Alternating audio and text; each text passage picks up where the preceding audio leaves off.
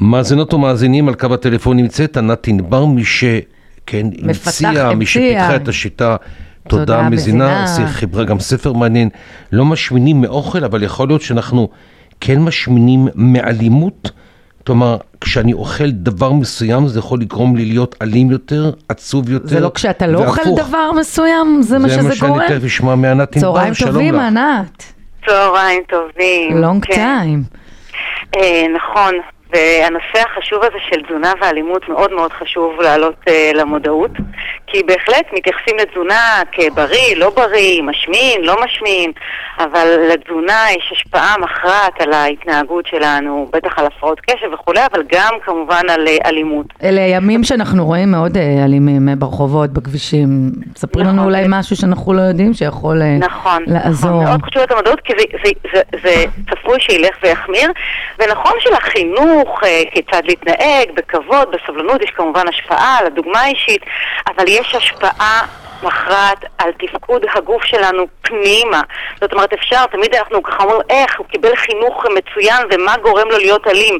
אז התפקוד של הגוף שלנו פנימה מושפע מהתזונה.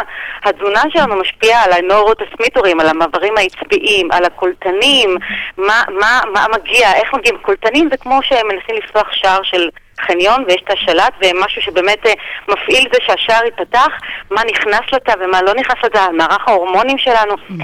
יש שני גורמים אה, אה, משפיעים מאוד על ההתנהלות שבעצם מחמירה דרך התזונה את ההשפעה על האלימות. אחד זה הנושא שבאמת האוכל עצמו, יש הבדל משמעותי בין מזון לאוכל. במזון יש לנו מרכיבים חיוניים שאנחנו צריכים לספק לגוף כדי שמערך ההורמונים יהיו תקין, כדי שהקולטנים, מערכת העצבים תהיה תקינה. ויש את האוכל. אוכל זה בעצם מזון אולטרה, שעובד ואיבד מרכיבים חיוניים, ולרוב נוספו לו חומרים, מרכיבים, שפוגעים בגוף. בדרך כלל באוכל מעובד, מקבל יותר סוכרים. אין התמכרות לסוכר, שזה נושא אחר, אה, כי אנשים נוטים לחשוב שהבעיה היא התמכרות לסוכר, יש התמכרות לצורך הרגשי שלא מסופק. אז המאכלים האלו, המעובדים בפני עצמם, שמאוד מאוד שכיחים בעולמנו, ביום יום שלנו, הם לכשעצמם יוצרים נזקים בגוף וגם נזקים שמשפיעים על ההתנהגות שלנו, על רמות סוכר קיצוניות בדם, מה שיוצר התנהגות אימפולסיבית קיצונית.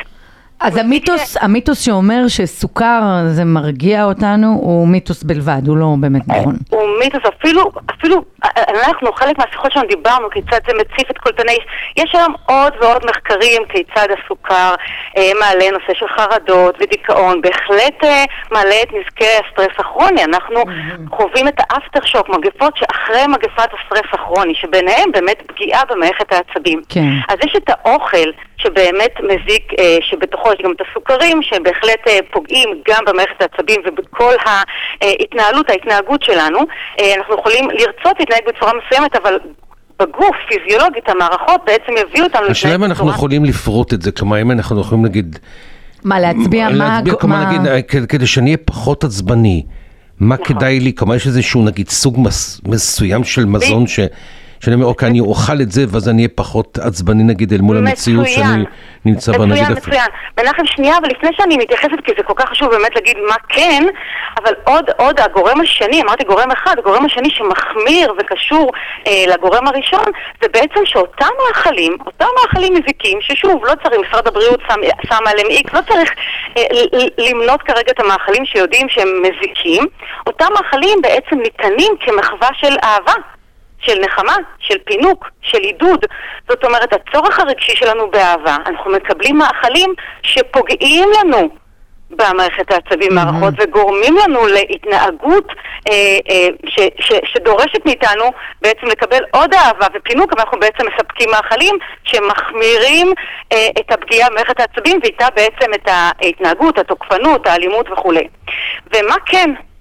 אכן המזונות שלנו, במזונות שלנו יש מרכיבים שמעלים סרטונים, שמאוד חשוב לעיצוב מצב רוח, שמאזנים סוכר, mm-hmm. שמונעים את הפיקים של הסוכר. ברגע שאנחנו, למשל, אה, הורה עם ילד יוצא מהבית, ככה בקלות אה, לוקח קפה, עוגייה, או נותן לילד שלו במקרה הטוב קורנפלקס, כל המרכיבים האלו בעצם מביאים אותנו להתחיל את היום כבר הילד יהיה הרבה יותר אימפולסיבי בכיתה, הסוכר קופץ, לא קיבל מרכיבים חיוניים לגוף, קיבל בעצם מרכיבים מזיקים שמעלים נזקי סטרס. ההורה יוצא מהבית עם עוגיה וקפה שמעלים נזקי הסטרס, מפעילים את בלוטות ה adrenal, מה שגורם להיות הרבה יותר גם מקום של רעב ועצבנות ועייפות. כל זה משפיע על מערכת העצבים שלנו וגם על ההתנהגות האלימה. כן. כשאנחנו מקבלים למשל את הטריפטופן, שנכנס אה, למוח והוא חלק מייצור סרטונין, ויטמיני B, מאזנים את הסוכר, אם זה על ידי מזונות עשירים בסיבים תזונתיים, ירקות, פירות, אגוזים, מקבלים אומגה 3 מאגוזי מלך, צ'יה, המזונות שלנו עשירים, המזונות המקוריים שלנו, הקטניות, הדגנים, הירקות, הפירות, הגרעינים, כל אלו עשירים במרכיבים שאכן מאזנים ובעצם תורמים אה, להתנהגות המאוזנת, היציבה, המצב רוח, הפחתת חרדות, דיכאונות, אה, כל אלו כמובן, ברגע שאנחנו אה, יותר עייפים, יותר חרדים, זה גם מוסיף על ה... על ההתנהגות. על העצבים, ברור, כשאנחנו עייפים ואנחנו... ולכן מאוד מאוד כן. חשוב, אחד מזין את השני, זה לא רק המאכלים, וזה גם בעצם החיבור שאנחנו במין מנטרה שממש ממש מאמינים שהמאכלים המזיקים האלה מפנקים אותנו. אבל חשוב לי מעל הכל לומר שאני אישית בדרך שלי לא בעד להימנע משום מאכל מזיק. אני מאמינה שברגע שלא אה, אה, נעבוד על עצמנו שהמאכל המזיק מסב לנו איזשהו צורך רגשי, אנחנו נאכל מהם פחות. כרגע המצב זה שאנחנו לא מסופקים רגשית, סליחה? לא, כן. לא, אנחנו ממש מכירים את זה ומבינים. נכון, אנחנו, אנחנו נמצאים במצב של רעב רגשי, מחנכים לכדי רעב רגשי, לא מסופקים רגשית, וכך גם בעצם נוצרים כביכול התמכרויות לסוכרים, מאכלים, שמשפיעות גם בסוף על ההתנהגויות והמצב רוח. וככל שיכניסו את זה למערכת החינוך, לחינוך של ילדים, שהורים יהיו יותר mm. מודעים כיצד כל אחד מאיתנו, אין צורך להאשים תעשייה, אין צורך להאשים אף אחד, כי אף אחד לא אשם. נכון, אנחנו שולטים גם במה אנחנו מכניסים ומה אנחנו... אנחנו בכל רגע, כדוגמה אישית, יכולים אנחנו להשפיע על הגוף שלנו, אנחנו להשפיע על הילדים שלנו, גם בתזונה שלנו, ובכך גם להשפיע על הורדת האלימות כן. והתנהגות באמת... אה, מדהים, ענת ענבר, לא משמינים מאוכל, ספרה של ענת ענבר, שיטת תודעה מזינה, אנחנו עומדים לך על השיחה הזאת, תודה רבה. תודה ענת, למדנו. תודה, יום נפלא.